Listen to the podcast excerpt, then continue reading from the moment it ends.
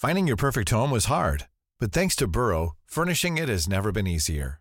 Burrow's easy to assemble modular sofas and sectionals are made from premium, durable materials, including stain and scratch resistant fabrics. So they're not just comfortable and stylish, they're built to last. Plus, every single Burrow order ships free right to your door. Right now, get 15% off your first order at burrow.com slash ACAST. That's 15% off at burrow.com slash ACAST. I've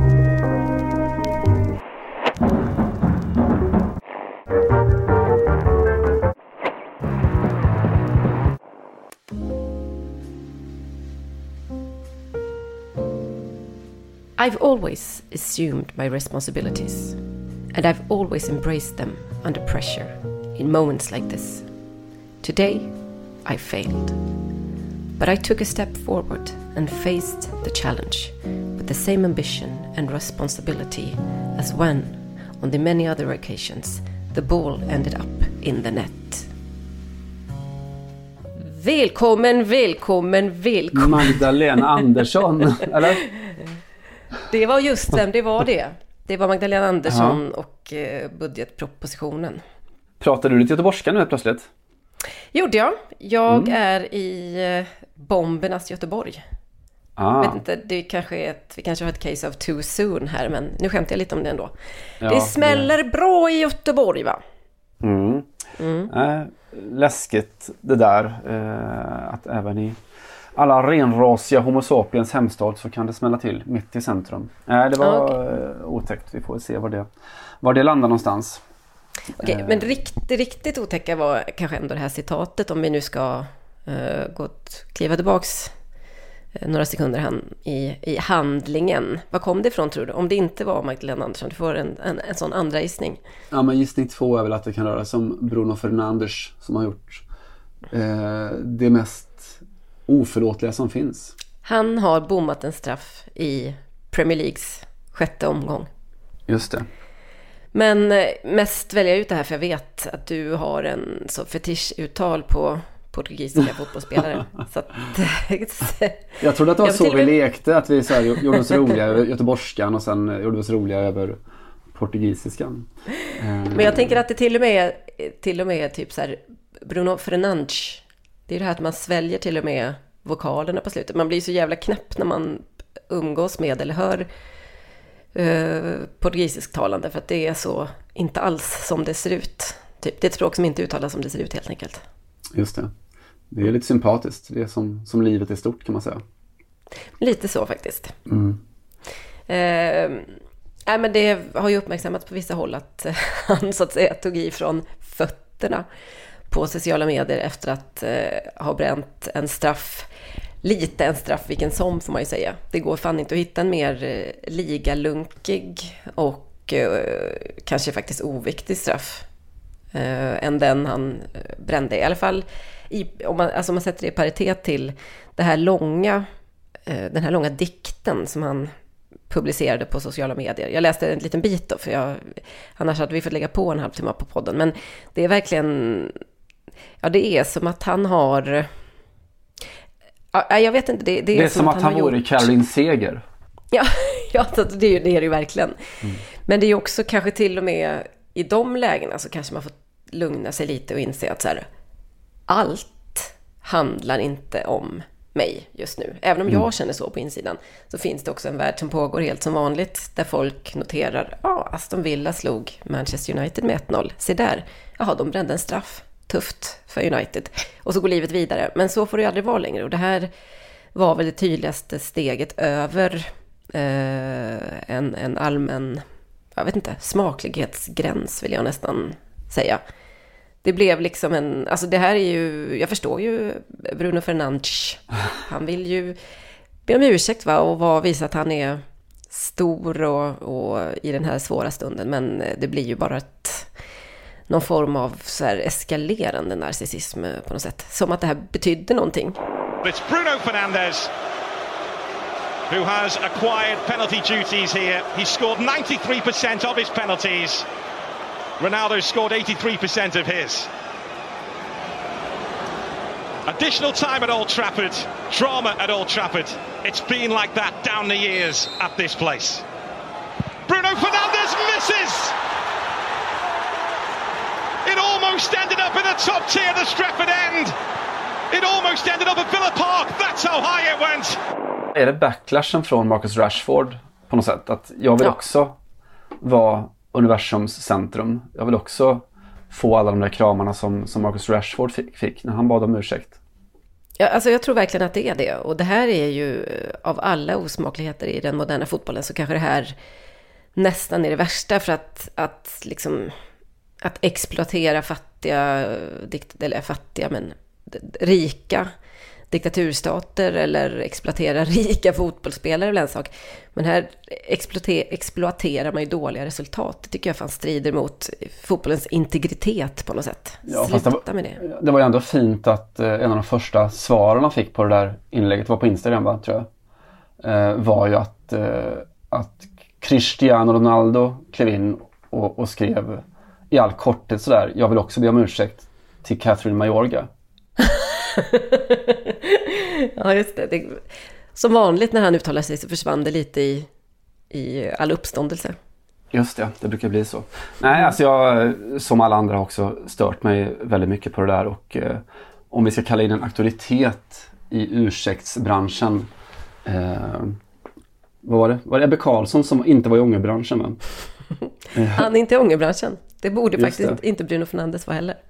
Han borde inte vara det. Nej, men eh, den som är bäst i världen på ursäkter är ju eh, Oprah Winfrey. Eh, det finns ju till och med någon sån, någon sån här be- begrepp, ett etablerat ett begrepp, begrepp i, i den amerikanska engelskan. Man pratar om Oprahification. Eh, alltså operafieringen, alltså den då när man som offentlig person sätter sig i Oprahs soffa och talar ut. Tyvärr erkänner inte att göra eh, opera av eh, allt som händer. Den andra operafieringen. Ja, men det är ju li... Okej, vad säger du om det här då? Är det inte Mm. lite det Bruno Fernandes gör i och för sig? Alltså han gör det ju till någon form av eh, liksom rekvium eller i alla fall. Morire, morire, morire. Ja, jo, kanske lite så. Det finns absolut eh, aspekter och delar av det som, som skulle kunna göra sig bra på, på operan. Där man drar, drar ut på en, en ganska banal död i 28 minuter eller så. Ja, men de också gör alltså allt, alla skenen i livet väldigt bombastiska Gud ja. Mm. Eh, Fan, nu i- kände jag att jag bara förlåter honom för allt helt plötsligt. Det här är ju opera, operafieringen av Premier League. Den har vi väntat länge på ändå. Hade han bara sjungit den istället? Ja, exakt.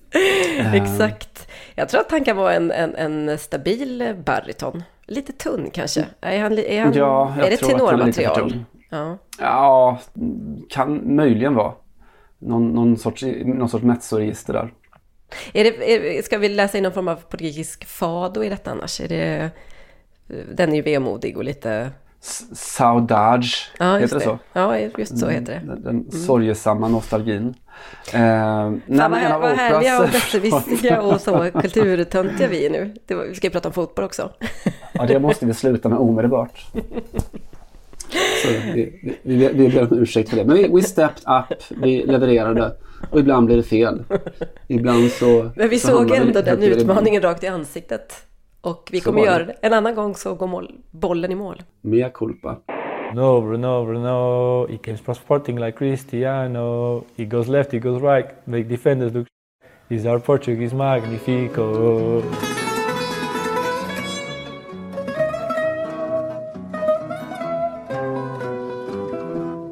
Jag känner ändå att, det, att fenomenet, och precis som du säger, att sluta och kapitalisera på Caroline Seger. Den enda, män, alltså, Ja. den enda människan, om man hårdrar det, som faktiskt har rätt och använder den här typen av, eh, ja, den här typen av eh, lingo eller så tycker jag. För att där kan man också prata om så här, dels Alltså, hallå, vikten av matchen. Det går, det finns inget som heter omgång 6 i Premier League. Eh, att det är trauma liksom, det kan det inte riktigt vara.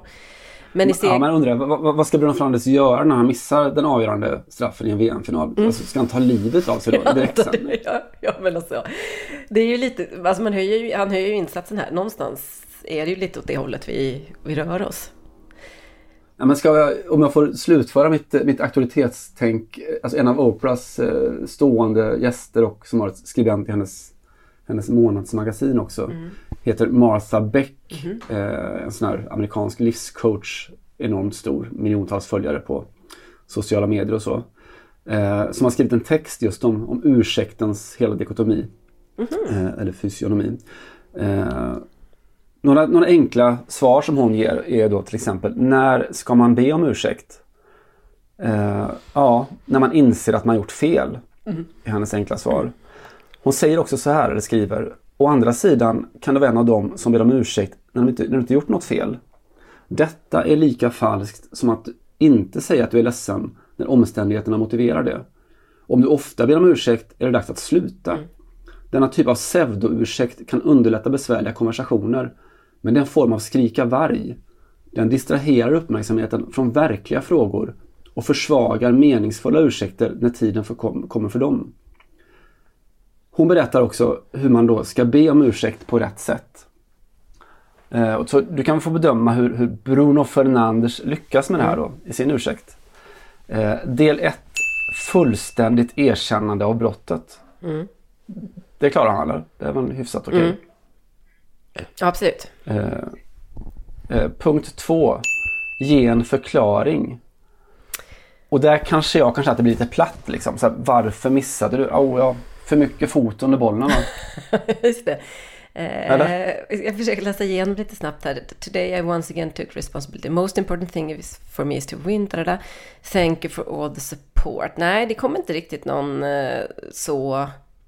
Nej, det kan man inte säga. Det enda han säger, han inleder med att skriva Nobody is more frustrated and disappointed than me for missing the penalty. Man bara, nej, det får vi fan ge dig rätt i, Bruno. Ingen annan tänker så mycket på det här som du. Alltså ingen annan tänker riktigt på det så två dagar senare. Nej, tycker du att han då att han prickar av punkt 3 som är att visa äkta ånger?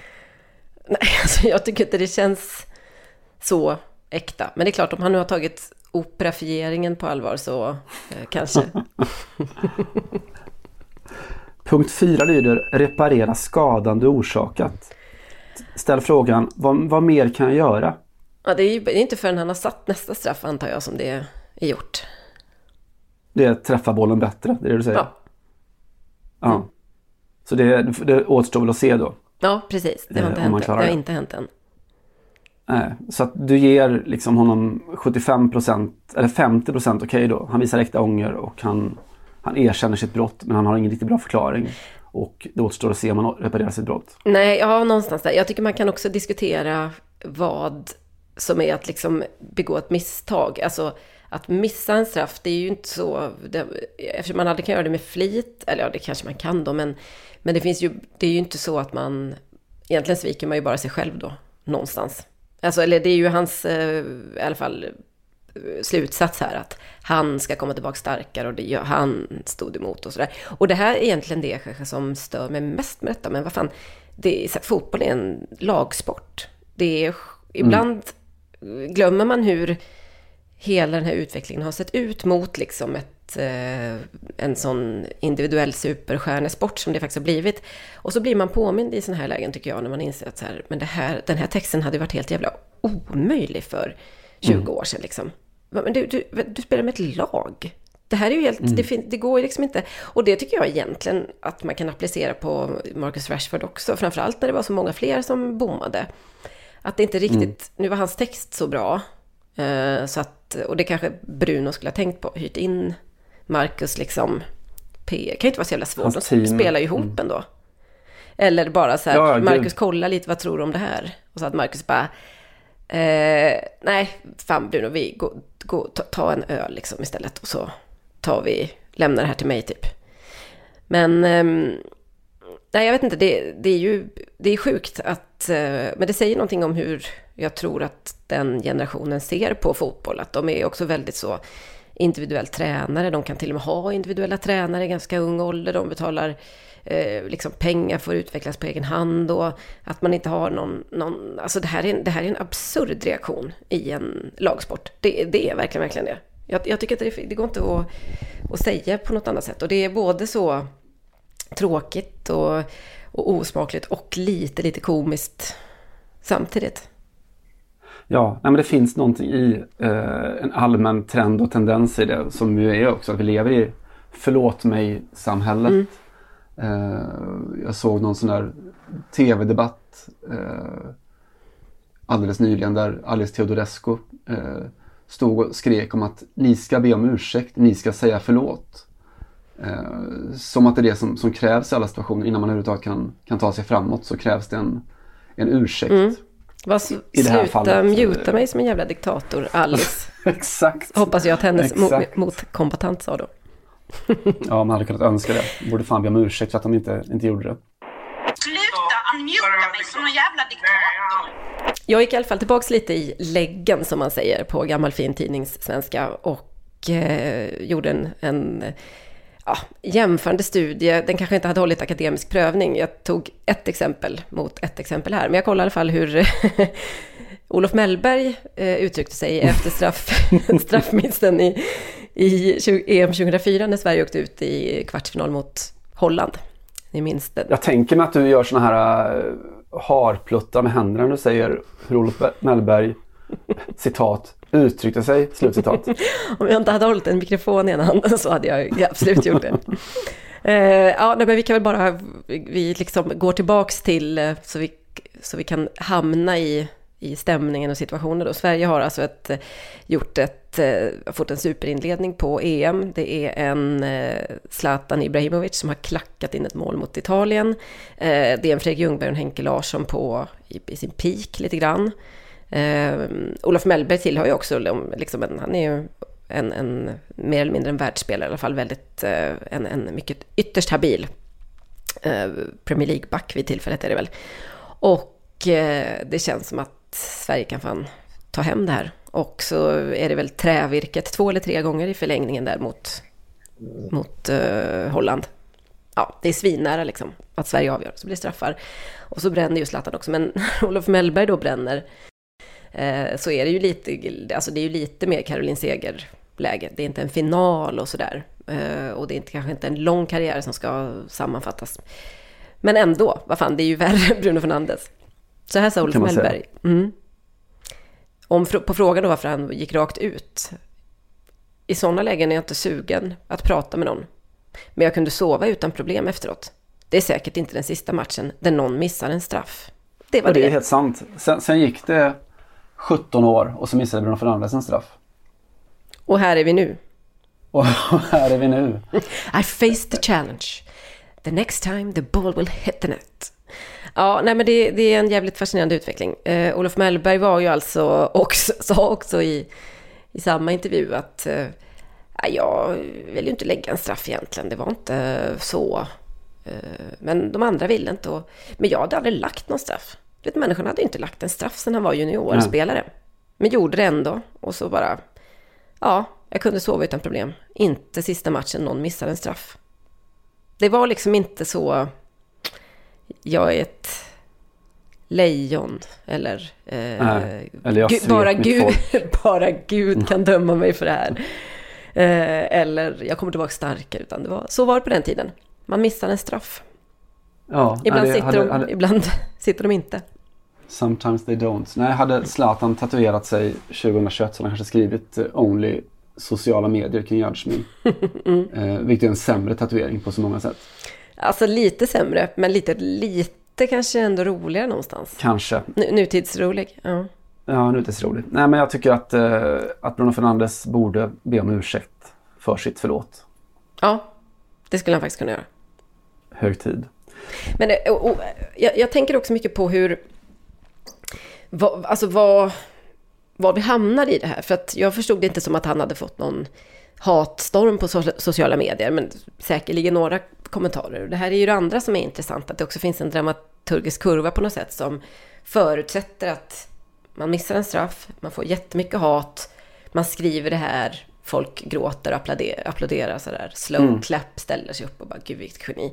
Och tråkigt nog, även om alla de här tillfällena gör ont, säkert individuellt eller är jobbiga och så, så är man ju lite mätt på på, den, på det skeendet på något sätt.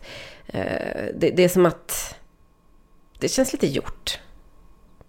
Kom med något nytt, lite så känner jag. Och dessutom den här andra debatten, att vi måste få bort det få, kan, hur, det, hur kan det finnas hat i de här lägena? Jag vet att Jan Andersson har ju reagerat ibland på det. Någon har sagt så här att jag nu fick, efter och Jimmy Durmaz-grejen så var det ju någon nu i, ja men det var ju i eh, EM i somras som någon hade fått, Marcus Berg va?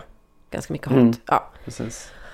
Och Jan Andersson tillhör generationen som blir chockad och bara så här, jag förstår inte det, hur kan det bli så, hur kan man vara så dum i huvudet? Och jag menar, ja, det är väl en sympatisk reaktion, men det är också väldigt konstigt, tyvärr, att tro att, inte vet jag, nio miljoner människor, alla kommer hålla sig i skinnet, när alla har tillgång till att skriva någonting på internet om om det hela, om man vill det. Alltså förstår du den känslan? Det är lite så här, vi måste få bort hatet. Ja, men det vill väl jag också, men det, det är inte riktigt, alltså, det är inte riktigt sannolikt, det känns inte riktigt så, jag vet inte, intellektuellt hederligt att tänka att det är en en, en, så, en, en möjlig målbild. Eller vad säger du? Jag vet inte. Jag bara så här, folk, tidigare satt ju folk och kastade grejer på tvn liksom och skrek eh, samma saker. Det är ju bara att det har bytt forum någonstans. Ja, absolut. Utan att överhuvudtaget bagatellisera. Så när det blir en sorts stormar så är det klart att det är Nej, djupt obehagligt. det är klart upplevelsen är hemsk, men Ja. kanske vi behöver ett annat sätt att förhålla oss till det. Liksom. Eller hårdare, hårdare, mm, hårdare straff säger jag, för nu bombar de i Göteborg. Nej, hårdare liksom eh, ID-kontroller och sånt på sociala nätet, men, eller social, sociala medier. Men att tro att så här, så länge vi liksom också kärleksbombar de här så kommer det försvinna. Love is, du vet, Mm. eh, stronger than hate. Man bara, Men love and hate är typ lika strong, eh, tyvärr. Ja, nej, alltså man vill inte på något minsta sätt missta oss för att vara Chang Frick. Men alltså hat finns där ute, så är det liksom. Hate is stronger than love, det är min nya tagline.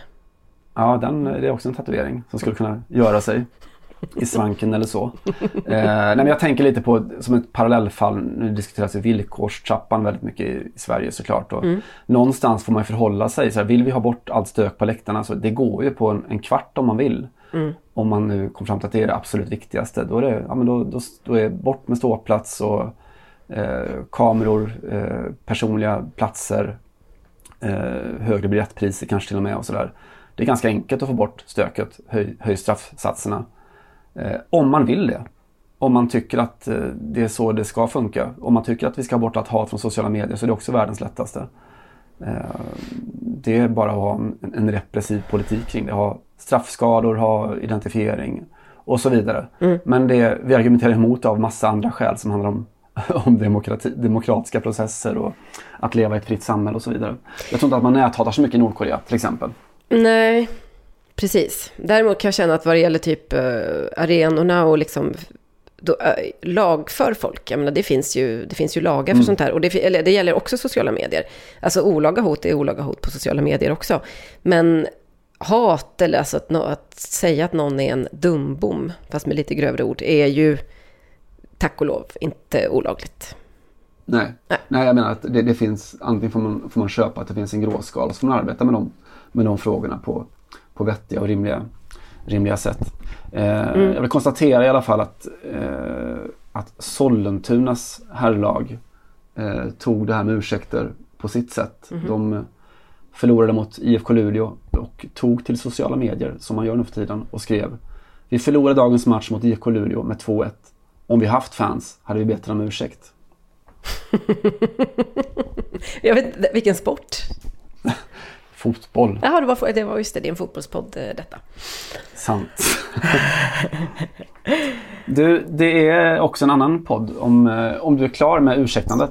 Eh, klar med ursäktandet, men jag tänkte egentligen svänga in på en annan eh, grej som kan avsluta det hela. Gjort. Eh, det är en liten sväng som eh, jag tycker hänger ihop med detta. Eh, ma- det, det man kan känna är en ytterligare en liksom naturlig hållpunkt på den här dramaturgiska kur- kurvan är ju att sen så kommer någon, typ eh, Bruno Fernandes eller någon, prata ut om att man mådde dåligt under den här perioden. Före eller efter. Ja, det sänkte mig liksom.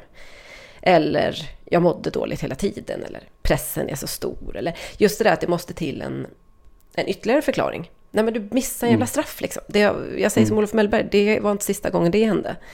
Eh, det kanske inte är så mycket mer än så. Men vi har ju, det här har vi diskuterat tidigare och man ska inte håna folk som vill vara transparenta med, med psykisk ohälsa. Eh, jag sprang på ett fall här ganska nyligen som jag tyckte var mer kändes som en trollning än någonting annat mm. som svensk. Vet inte om du läste vad Stefanilla B skrev på FIF-Pros hemsida.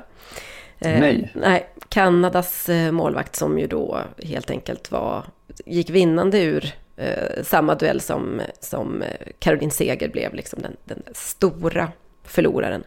Jesus på korset på något sätt. Eh, Stefanilla B som, bytte, som lämnade all, damallsvenskan direkt då, gick till PSG. Men nu har hon i alla fall i veckan berättat om att hon har eh, ridits av mycket ja, Demoner. Ja, demoner, precis.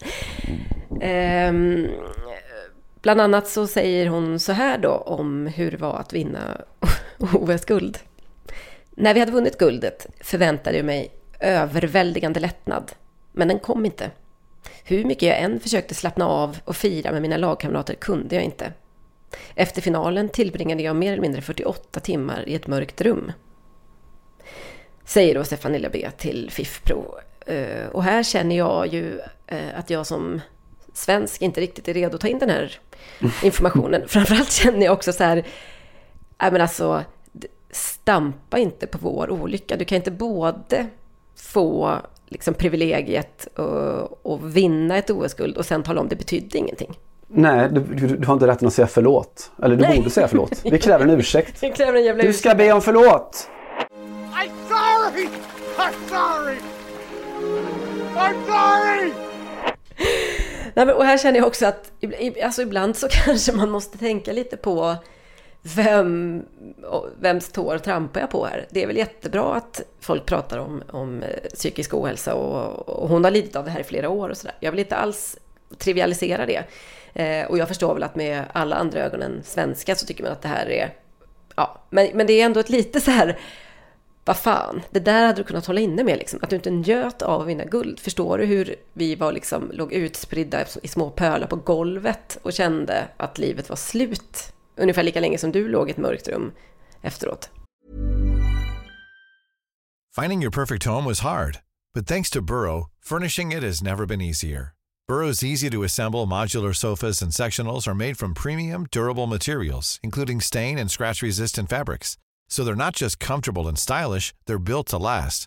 Plus, every single Burrow order ships free right to your door. Right now, get 15% off your first order at burrow.com slash ACAST. That's 15% off at burrow.com slash acast. Man känner väl att det, det går att prata om, om tomheten efter segrar men man får, då får man verkligen ställa kontextualisera det känns det som. Man får censurera eh, det i Sverige, eller? ja, jag säger det. Nordkorea har, har poänger. Det här går inte ut på svenska internet. Nej, jag vet inte. Jag, det är ju väl det här också som är, eh, blir mer och mer tydligt att många upplever idrottsvärlden som väldigt tuff och väldigt hård och mycket psykisk ohälsa. Och, ja, man tänker väldigt mycket på eh, hur jobbigt det är. Och det här vill jag säga kan man kan egentligen, det, det sträcker sig ut över hela samhället på något sätt. Vi, vi vantrivs i kulturen. Det är liksom inte några jätteroliga tider i, för, i, i, liksom i väst i alla fall om man ska titta på hur folk mår och hur mycket psykofarmaka det knapras. Och hur lite kollektivet betyder någonting och hur mycket man är bara eh, ensam med sina demoner på något sätt. Men jag vill ju lite påstå att det här hänger ihop med hur mycket man... Ja, hur, hur mycket allt handlar om att man tänker på att allt är ens eget ansvar hela tiden. Eh, mm. Det är klart, och det är klart att det är ju i gymnastik till exempel med eh, Simone Biles eller, eller i tennis kanske med eh, Naomi Osaka. Men i fotboll så måste det finnas, måste kunna finnas en annan grund än att alla går runt och tänker på sig själva eh, mm. hela tiden. Och hur jävla jobbigt det var att missa en straff och be om ursäkt för det. Och den här pressen, pressen, pressen. För även om man konkurrerar i ett fotbollslag så är det ju ändå en, en lagsport. Och hela poängen är ju att man ska dela sorg och glädje, förlåt för banaliteter. Men det, det är som att det har helt hamnat utanför eh, Alltså vi har hamnat liksom i ett helt nytt spår där alla tänker på sig själva. Återigen, jag vill inte håna psykisk ohälsa, men jag tror att det här är ganska lätt hjälpt om man istället för att tänka på eh, sig själv precis hela tiden och hur man mår och hur man hanterar saker och ting och hur det ska gå. Och nu brände jag en straff. Inser att man är liksom del av någonting större, vilket man ju verkligen är ett fotbollslag. Så behöver inte den här pressen bli så jävla tung att bära hela tiden. Mm. Eh, alieneringen. Ja, precis. Det är just vad där det är. också. Det är en alienering och det är som att inte laget spelar så stor roll längre. För det är bara så här, jag missade en straff. Eh, jag vill bli hela, be hela England om ursäkt. Eh, jag mådde jättedåligt. Jag känner så här. Jag Mm. känner så här. Jag kommer gå upp nästa gång och sådär. Och då känner Mm. jag, alltså jag vill nästan uppmana alla fotbollsspelare att bara... Och det är svårt att kliva ur en liksom, ett samhälleligt sammanhang och, såklart. Men var, var Olof Mellberg liksom. Mm. Det är säkert inte sista gången, eller sista matchen där någon missar en straff. Och så var det med den saken. Ja, och tänk på att allt kunde varit värre. Ni kunde varit Bruno Fernandes. Och hängt en straff mot Villa i omgång 6 högt, högt över. Det om eh, det. Ja, det om det. Ja, eh, vi, vi är synkroniserade kring det. Eh, Jag kände, Jag vet tänker- vad? Jag kände ja. lite som, som när, mina, när jag gick i skolan och ibland så ville man vara hemma kanske. Så sa man till sin mamma och pappa att man, man har, är lite sjuk idag. Och så sa i alla fall mina päron, känner du inte efter lite väl mycket nu? Så, varsågoda, ta med den hem till, Ta er, eller till, till er terapeut. Stephanie och Bruno. Eh, som hade kunnat vara bra indiepopband. Stephanie och Bruno. Med lite sådär saudadssorgsna Ja, ver- stämmor. ja, verkligen. Is our Portuguese magnifico? Du, eh, kommer du ihåg vad vårt allra första poddavsnitt hette? Ja, det, är ju något som i alla fall iTunes censurerade, så vi fick inte komma ut. Teenage Horse Football Porn, eller var det något sånt? Ungefär så. Eh, Teenage Mutant Nej, Horny Teens Porn Football Pod hette den. Ja, Det var ju vårt försök att eh, algoritmmaximera det gick inget bra nu. Och det, gick, det slog ju tillbaka så jäkla hårt när iTunes censurerade oss istället. De bara, den här podden ska vi nog inte släppa igenom någonsin. Den ska granskas. Eh, kan man sympatisera med. Eh, I veckan nu så kommer det ut en, en bok, en fransk bok skriven av en eh, journalist som heter eh, Laurent David Samama. Ja, Boken känner, heter... känner honom? Du gör det? Ja, Har du läst känner, men vi har eh, träffats eh, ett flertal gånger. Nej, Då får du be att eh, du får ett signerat ex av boken Footporn. Åh. Fo- fotbollsporr. eller? Åh, var det rätt? Det var väl helt rätt? eh. Exakt så. Eh, han har skrivit om Kurt Cobain förut också vet jag. En, en bok. Ja, okej. Den har jag inte läst. Eh, men footporn, fotbollsporr handlar då inte om, om Leo Messis eh, mål mot Man City i Champions League nu i tisdags eller så. Eh, utan det handlar om att han jag, menar, jag drog ju veckan en parallell mellan det engelska konstundret med British Young Artists, eller Young British Artists, och eh, ja, den moderna fotbollen. Han, Laurent David, drar parallellen mellan fotbollen och porrindustrin, eller porren. Han är väl reporter på Les Rock? Yes! Mm. Eh, som väl kan vara ett kulturtips för alla frankofona där ute. Fantastiskt. Eh, eh, är det en Ja, musik, varannan veckas magasin? magasin kan man väl säga. Ja, populärkultur, det är film, samhälle och allt möjligt. Ja, precis. Ja. Mm.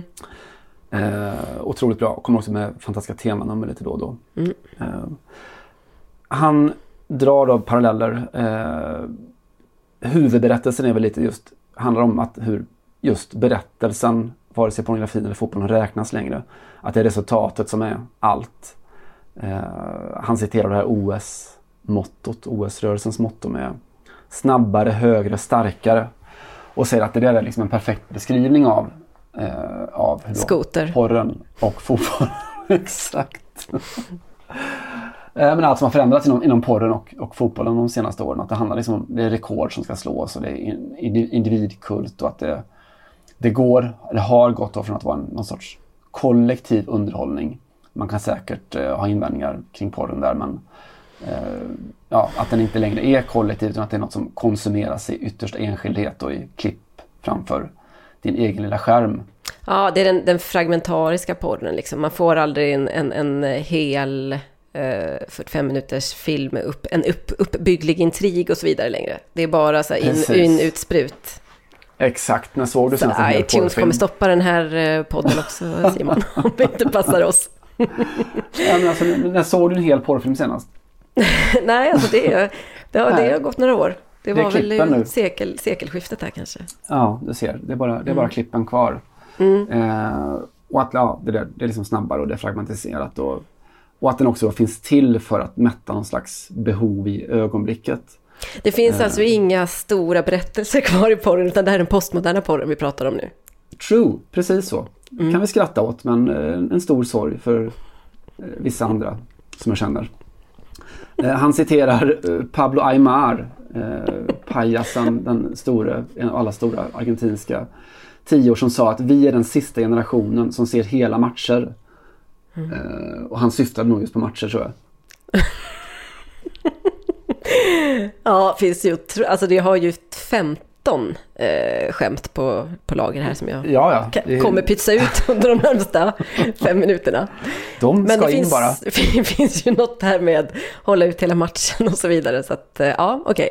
De ska in och de ska ut. Eh, och det är såklart grundförklaringen är väl just de te- tekniska framstegen då som har gjort då fotbollen specifikt kanske mer njutbar eller på sätt och vis dramatisk då.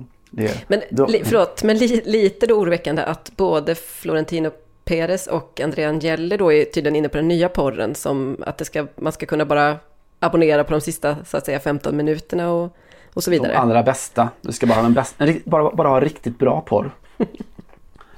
eh, Det blir- Ja, och samma hela tiden.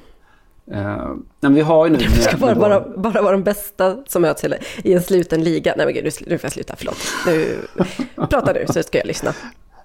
Försök ett tag. Behave. Vem är det som säger så? Behave. Det är Austin Powers. Be- Behive, exakt. Behave. Oh, behave! Eh, nej, men då, han, han pekar på, på VAR och på repriserna och förbättrade tv-produktioner. Eh, arenorna som är liksom optimerade. Eh, och på samma sätt då med porren då, att den har ju gått från att vara något som man hittade i, eller man, som många andra jag känner hittade i skogen. Eh, till att vara någonting då som, som finns då.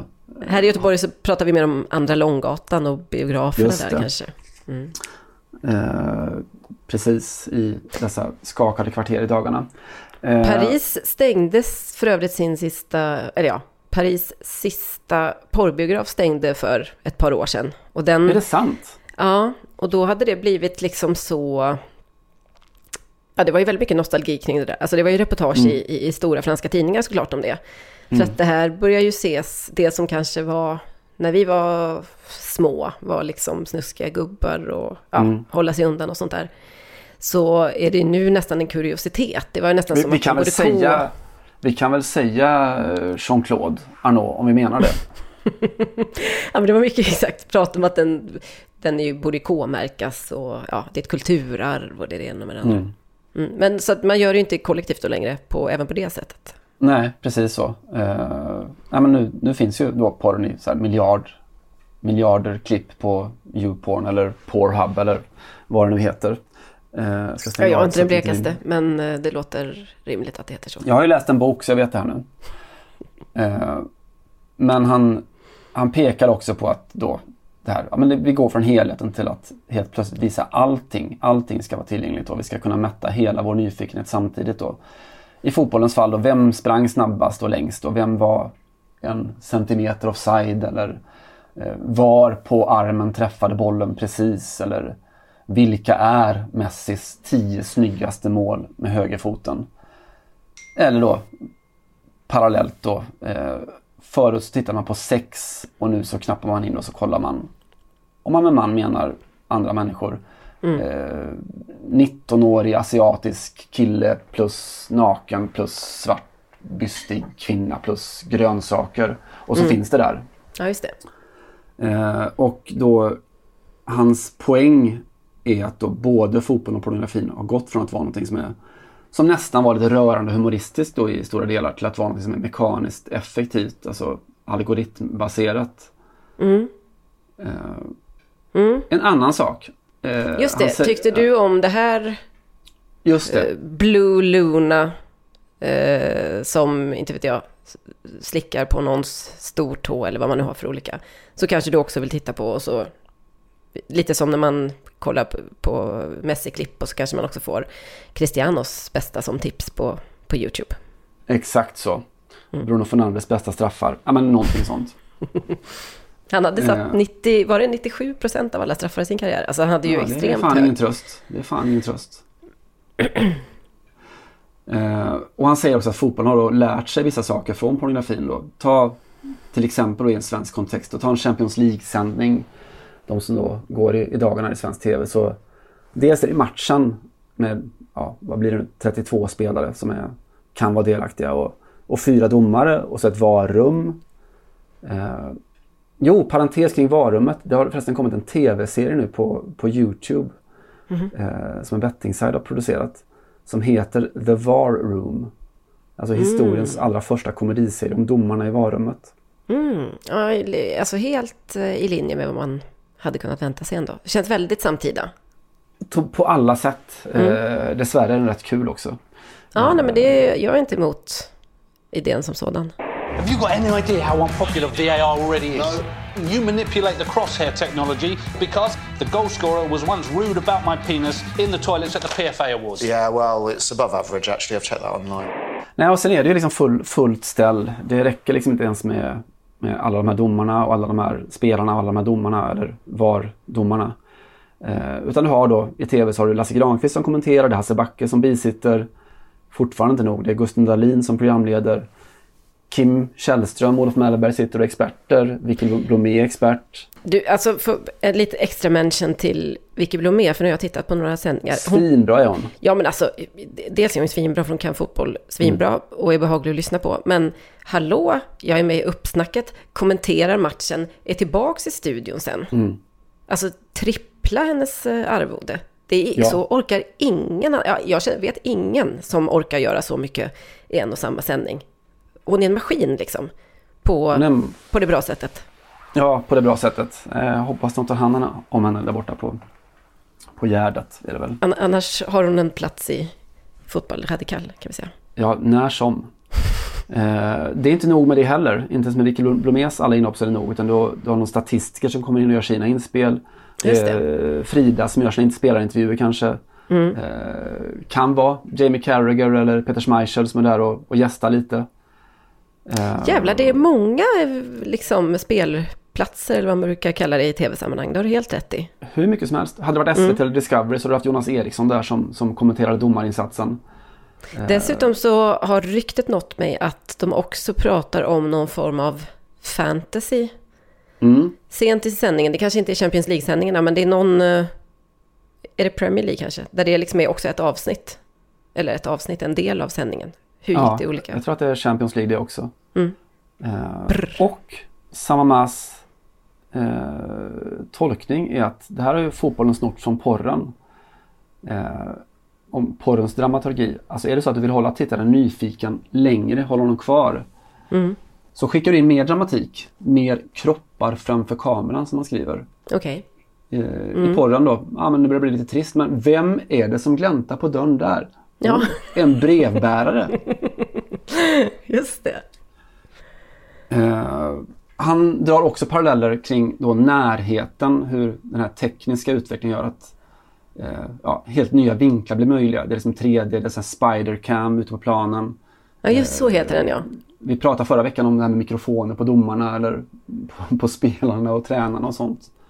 Just det, får jag bara förtydliga? Jag lanserade det som den tysta fotbollen, men det var, Just inte det. riktigt, det var inte det jag ville kalla den. Jag ville kalla det den, den stumma fotbollen. Ah, Okej, svinviktig eh, sån. eh, den är bras- viktig brasklapp. eftersom det är en, Tack, en, du en förstår mig. kulturell referens. Ja, Inte bara Eh, det. Ja, jag, jag tänker på Sören Lerby. Det gjorde inte jag. Men berätta. Gjorde du? Nej, Sören Lerby, hans memoarer eh, som jag har ett väldigt tummat gammalt ex, gamla framförallt Ajax och Danmark, Danmarks 80-talsikon. Som, eh, han kommer ut från en match någon gång och eh, journalisten frågar du, du, du skällde väldigt mycket på den här lagkompisen där. Vad, vad, Och det, du skällde på domaren och, och skrek och, och, allt sånt där. Och varför, varför ropar du så mycket där ute? Och Sören Lerby svarade, vilket då blev titeln på hans biografier. Fordi fotboll är icke för de stumme. För fotboll är inte för de stumma. Det hade han ju rätt i fram till förra veckan då när jag ändå... du lanserade den. Ja, precis. Men eh, bra citat i och för sig. Den mm. är bra. Mm. Eh, ja, en mm. sak som, som, eh, som man inte skriver i boken utan som jag tänker är att den här den stora lögnen med allt det här är att vi tror att vi liksom kommer närmare sanningen på något sätt. Alltså att mm. När vi visar exakt hur någonting ser ut eller hur det låter eller hur det rör sig så tror vi att vi närmar oss sanningen. Men det blir liksom ett problem när det handlar om fenomen som fotbollen eller sexet vars liksom stora USP alltid varit någon slags mystik. Eh, jag antar att du har invändningar här kanske. Men... Absolut inte. Nej. Att när allting blir så tydligt och klart så blir ju allting en lögn på sätt och vis. Men jag vet inte. Vad är det du brukar säga om, om prostinnan? Eh, apropå citat och så. Men, men vad vet jag, mitt gamla luder, sa prostinnan. Just det, precis så. Mm. eh, nu, nu antar jag att du har invändningar kanske om att porren är skadlig på ett sätt som fotbollen kanske inte är då. Att det är en läskigare industri eller att det är kvinnofientligt eller antihumant. I delar. Mm. Alltså jag, jag tillhör ju liksom 90-tal, alltså andra vågen feminismen, eller det var lite där jag lärde mig om feminism. Och då var man ju extremt antiporr. Det var liksom hela ens, eh hela grundackordet för oss eh, tidiga millennials får man ju säga.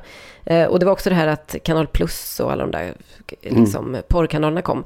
Men jag vet inte, jag vill nyansera det där lite grann. Jag tycker inte, jag har inga som helst problem med fenomenet. Jag tror liksom att eh, voyeurism är en ganska självklar del av den, den mänskliga sexualiteten. Däremot så är det ju att, så är det ju som alla liksom, tunga kapitalistiska industrier så är det ju alltid kvinnorna som blir mest exploaterade. Så är det. Så är det. Eh, mm. Industrin snarare än fenomenet kanske. Ja. Eh, eh, Samma säger då att ja, absolut man kan invända så men så säger han också Gå in på Google hörni och så söker ni på Jibril Cissé plus injury. Eh, för då kommer du få se ett gäng textlänkar om hans då dubbla skenbensbrott när han spelade för Frankrike 2006 före VM. Mm. Du kommer få se hundra stycken bilder på precis hur det där benet hänger i helt fel vinkel. Och han konstaterar att det där är också chockeffekter, det är också sadism, det är också voyeurism. Att det är helt enkelt, om man ska hårdra det, porr på något sätt. Okej, det det svagaste resonemanget hittills då, eh, utefter vad du berättar. För jag kan inte riktigt se att det på samma sätt gör Jibril Cissé till, till liksom ett, ett, ett offer eller en... Alltså gör honom till ett offer för en förövare. Är det vi som är det med våra blickar då? Nej. Ja, jag tror att det är mer ett, eh, ett konsumentperspektiv han anlägger där. Alltså iakttagarperspektivet, mm. att vi är ute efter ungefär samma saker. Mm. Eh, och att, att se det grövsta kanske? Eller? Ja, att se alltså. det grövsta. Mm. Och att utbudet eh, har förändrats på det sättet. Eh, supportrarna då? Jo, men det är lite samma sak menar han på. Att det, det har gått då från att vara att supporterskapet var något villkorslöst och romantiskt. Något som du gjorde för att du älskade helt enkelt. Medan det har blivit en affärstransaktion från två håll egentligen. Mm. Att supportrarna förväntas att konsumera och klubbarna som då ska bidra med content till supportens sociala medier eller någon slags status eller identitet, att du är en vinnare eller du är den här typen av person. Eh, och det där störde att idag så är det liksom kanske mer sannolikt att vi, att vi följer Chelsea från, från Halland och ser vad de gör och lära oss om hur deras spelare, ja, om de är i form eller inte eller skadade eller inte. Än att, Just det. Än att vi går och kollar på HBK på, vad heter arenan nu igen? Nej, jag kommer inte på. Kom inte på. Så. Eh, men då, fan, om vi ska bli ännu mer grafiska då. Så mm. vad har de här ökade klyftorna då, ekonomiska klyftorna gjort med fotbollen? Samma must take. Vi vet ju alltid att City slår Watford nästan jämt. Manchester United slår Aston Villa nästan jämnt. Eh, vi vet att Watford alltid förlorar. Så vi får liksom massa drama runt omkring. Det har ökat. Eh, men samtidigt då en förutsägbarhet på själva planen, i själva sporten. Mm. Och här kommer grafiken då. Eh, David mm. Samman skriver. Vi får en som dominerar och en som tar emot. En som gör mål och en som tar emot. En som penetrerar nätet och en som får stryk. En sammanstötning mellan kroppar som ofrånkomligen leder till att den ena triumferar och den andra dör. Parentes. La petite mort. Den lilla döden. Ja, det var snyggt. Det var en snygg eh, upphämtning också, för då, då kan man ju få in det feministiska perspektivet där kanske. Ja, någon, någonstans där. Eh, ja, mer då. Jo, men rankingen pratar han också om, kvantifieringen av allting. Eh, han tipsar om att gå in på till exempel YouPorn. Eh, så kan du omedelbart där se vilka stjärnor som är mest populära, mest tittade på. Du kan läsa deras eh, kroppsmått, du kan läsa hur många tittningar de har fått på sina klipp. Eh, han säger att det är ungefär som på Transfermarkt, den här mm. scouting-sidan, faktasidan för fotbollsspelare. Etta på Transfermarkt, penningvärdet just nu är, du får gissa? Uh, kan det... Är det Mbappé fortfarande i kraft av sin unga ålder? Det är Mbappé i kraft av hans unga ålder. Mm. Uh, etta på YouPorn, du får gissa. Nej, skojar. Nej, men då, det, då är det en kvinna såklart. Det är ju en jättebra gissning faktiskt. Eh, hon ja. heter Mia Khalifa. Okay. Eh, född i Libanon. Och hon har då ägnat de senaste åren av sitt liv, eller inte helt kanske, men hon har de senaste åren i alla fall lanserat sig som en väldigt hård West Ham-supporter. Eh, ja. Mm. West Ham som ju ägs av två stycken porrkungar, David Gold och David Sullivan. Eh, det hänger inte ihop tror jag inte. Hon själv hade att hon, hon, hon, blev, hon blev supporter när hon såg den här Green Street, alltså huliganfilmen med West Ham-fans i. Okay. Det fanns inget så här “because I like to be fucked over” eller något sånt kul? Badabam? Uh, uh, blowing bubbles. Nej, jag tror, jag tror inte det. Vad jag borde kanske hålla på med så här porn-copy. Kände att jag hade en lite oväntad fling för detta. Det fanns en sån, uh, ett sånt där skämt när, jag tror inte att det här är too soon, när Michael Jackson står i staty. Ställer sig staty utanför West Hams arena och, och, och, frågan var liksom, ja men det är inte helt orimligt för att, vet du vad likheten mellan Michael Jackson och och West Ham är? Svar Nej. kolon Forever Blowing Bubbles. Som var Michael Jacksons apa. Oh! oh. Ja okej. Okay. Ja den är ju mm. brutal. Mm. Den är brutal och mm. ja. Fast lite lite rolig också. Ja gud ja, verkligen. Eh, Mia Khalifa är inte porrstjärna längre. Hon spelade in sin porr under, hävdar hon själv, bara ett par månader. Eh, av sitt liv då. Men det räckte för att hon skulle bli då den här stora superstjärnan i, i branschen. Mm.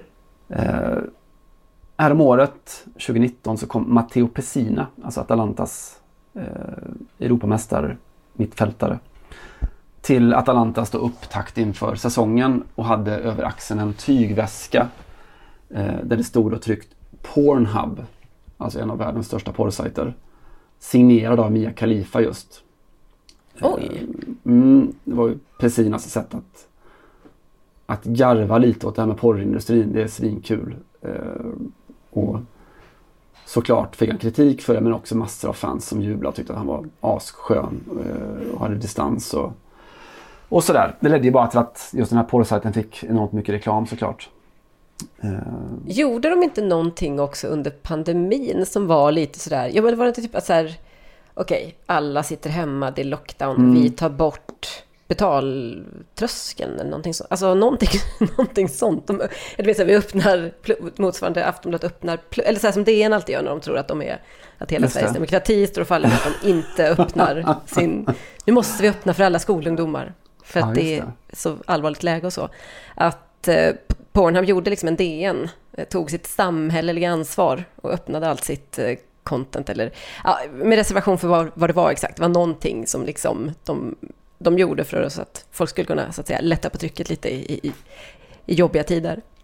Just det. Ja, det finns mm. någon, någon, det är väl närmast en, en eh, Pornhub DN-koppling som har kommit sen, sen vi fick anledning att ersätta det här eh, slappa begreppet om stor kukslugn med DN-lugn efter en uppmärksammad kolumn i Dagens Nyheter. Ja, den, den kolumnen har ju inte lämnat mig än så att säga. Eh, den kan vi lägga ut på, på Fotboll Radikals eh, Twitterkonto om ni är intresserade av att, att läsa den. Och ganska mycket annat gött låter det som från eh, dagens avsnitt. Kan ju bli så. Eh, Mia Khalifa hon var 21 bast då de här månaderna när hon spelade in porrfilmer. Eh, vi kan väl för ordningens skull lyssna på en BBC-intervju där hon då berättar om vad det de där månaderna har gjort med henne som, som människa. The stares I get, I feel like people can see through my clothes and it brings me deep shame. It, it makes me feel like it makes me feel like uh, I lost all right to my privacy, which I did because I'm one Google search away. Hon säger alltså a complete loss of privacy. Uh, hon tappar allt det som var privat förut. Hon pratar om blickarna hon får och hur hon inte äger sin egen kropp längre. Och jag tänker i den här kontexten att det hade lika gärna kunnat vara en beskrivning av en 21-årig megastjärna i fotbollen upplever mm. sitt stora internationella genombrott. Ja, visst. Att man inte längre äger sig själv på sätt och vis. Ja. Jag började den här enorma odyssén med att uh, säga att footporn inte handlade om Leo Messis mål mot Manchester City. Men jag ska nyansera det en smula för jag är inte säker på att det riktigt är sant att det är så. När Messi gjorde det här målet i tisdags kväll, hans första för Paris Saint-Germain, så satt en gammal Marseillehjälte, jag har, Abib Bey, i fransk TV och eh, kommenterade som bisittare. Och så här upplevde han målet. Je pense que personne au monde ne sait faire ce que vient de faire Lionel Messi, c'est-à-dire de faire semblant d'ouvrir son pied gauche. Au dernier moment, la caresse diabolique du lutin argentin qui vient. Det här är alltså vad han säger, eh, Abib. La caresse diabolique du lutin argentin. Den argentinske pysslingens djävulska smekning. Ja, det ju, finns ju anledningar att, så att säga, tycka om det här språket. Jag tänker, utan att ha kollat, eller har för avsikt att kolla, att den sortens smekningar garanterat finns som en subkategori på någon sorts porrsajt någonstans. Den argentinske pysslingens djävulska smekning. In och googla. Ja, det, alltså, jag tror att i alla fall när det kommer till pysslingar eller kortvuxna och så vidare. Eh, alltså, Pornhub är väl ett Jag tror att för tåget för att vara politiskt korrekt har gått redan, Johanna. Pornhub är ett Sverige för kortvuxna. Sant. Jag tror att det är en levande kategori där. Garanterat. Det var jättebra att du tog eh, Leo Messi-taken och att du tog oss i mål, om det är det du har gjort mer eller mindre. För att jag satt i helgen då med eh, två eh, tänkta ämnen för podden. Det ena var Zlatan slut i landslaget och det andra var Messi slut. Punkt. Mm. Slut som autist som jag brukar säga. Messi slut som autist. Och eh, båda föll där liksom som dominobrickor efter varandra. Så att, eh, skönt att du ändå kunde städa upp i min oordning. Much like porn and football I aim to please. Eh, varsågod Johanna. Tack. Eh, ska vi ta oss ut i veckan? Det gör vi. Vi gör det med att konstatera att all fotboll inte är porr. Inte än riktigt i alla fall. Eh, att det fortfarande finns en fotboll som handlar om människor och möten och liv och att säga att det, nu på söndag kommer det spelas derby i Stockholm igen med nästan då, vi får väl se vad polisen säger, fullsatta läktare. Eh, och på andra sidan landslagsuppehållet så spelar Hammarby mot AIK på det som jag hoppas då kommer vara ett kokande Tele2 Arena igen. Så jag tänkte att vi lämnar det med en påminnelse om att fotboll kan vara allt det där också.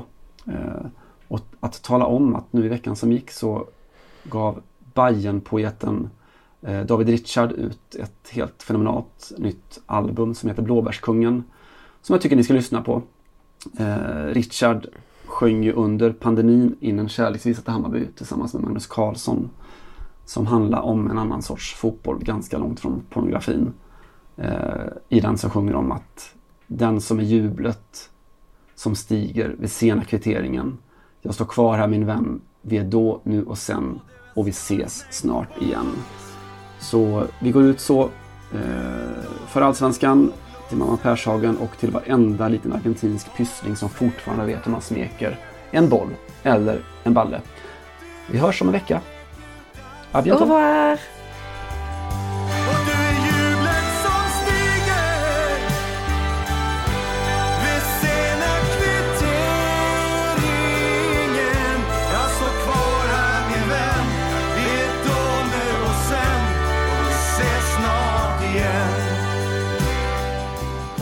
Har lyssnat på en podcast från Aftonbladet.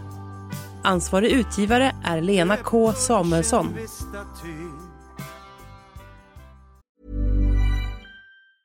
Meet 2024's most anticipated robot vacuum, Eufy X10 Pro Omni. With powerful 8000 PA suction and MopMaster's dual mop pads, it keeps your floor sparkling clean. It's the winner of five Best of CES awards, and Digital Trends says it boasts almost all the same features as robot vacuums that cost twice as much. Want to know more? Go to eufy.com, that's EUFY.com, and discover X10 Pro Omni, the best in class all in one robot vacuum for only $799.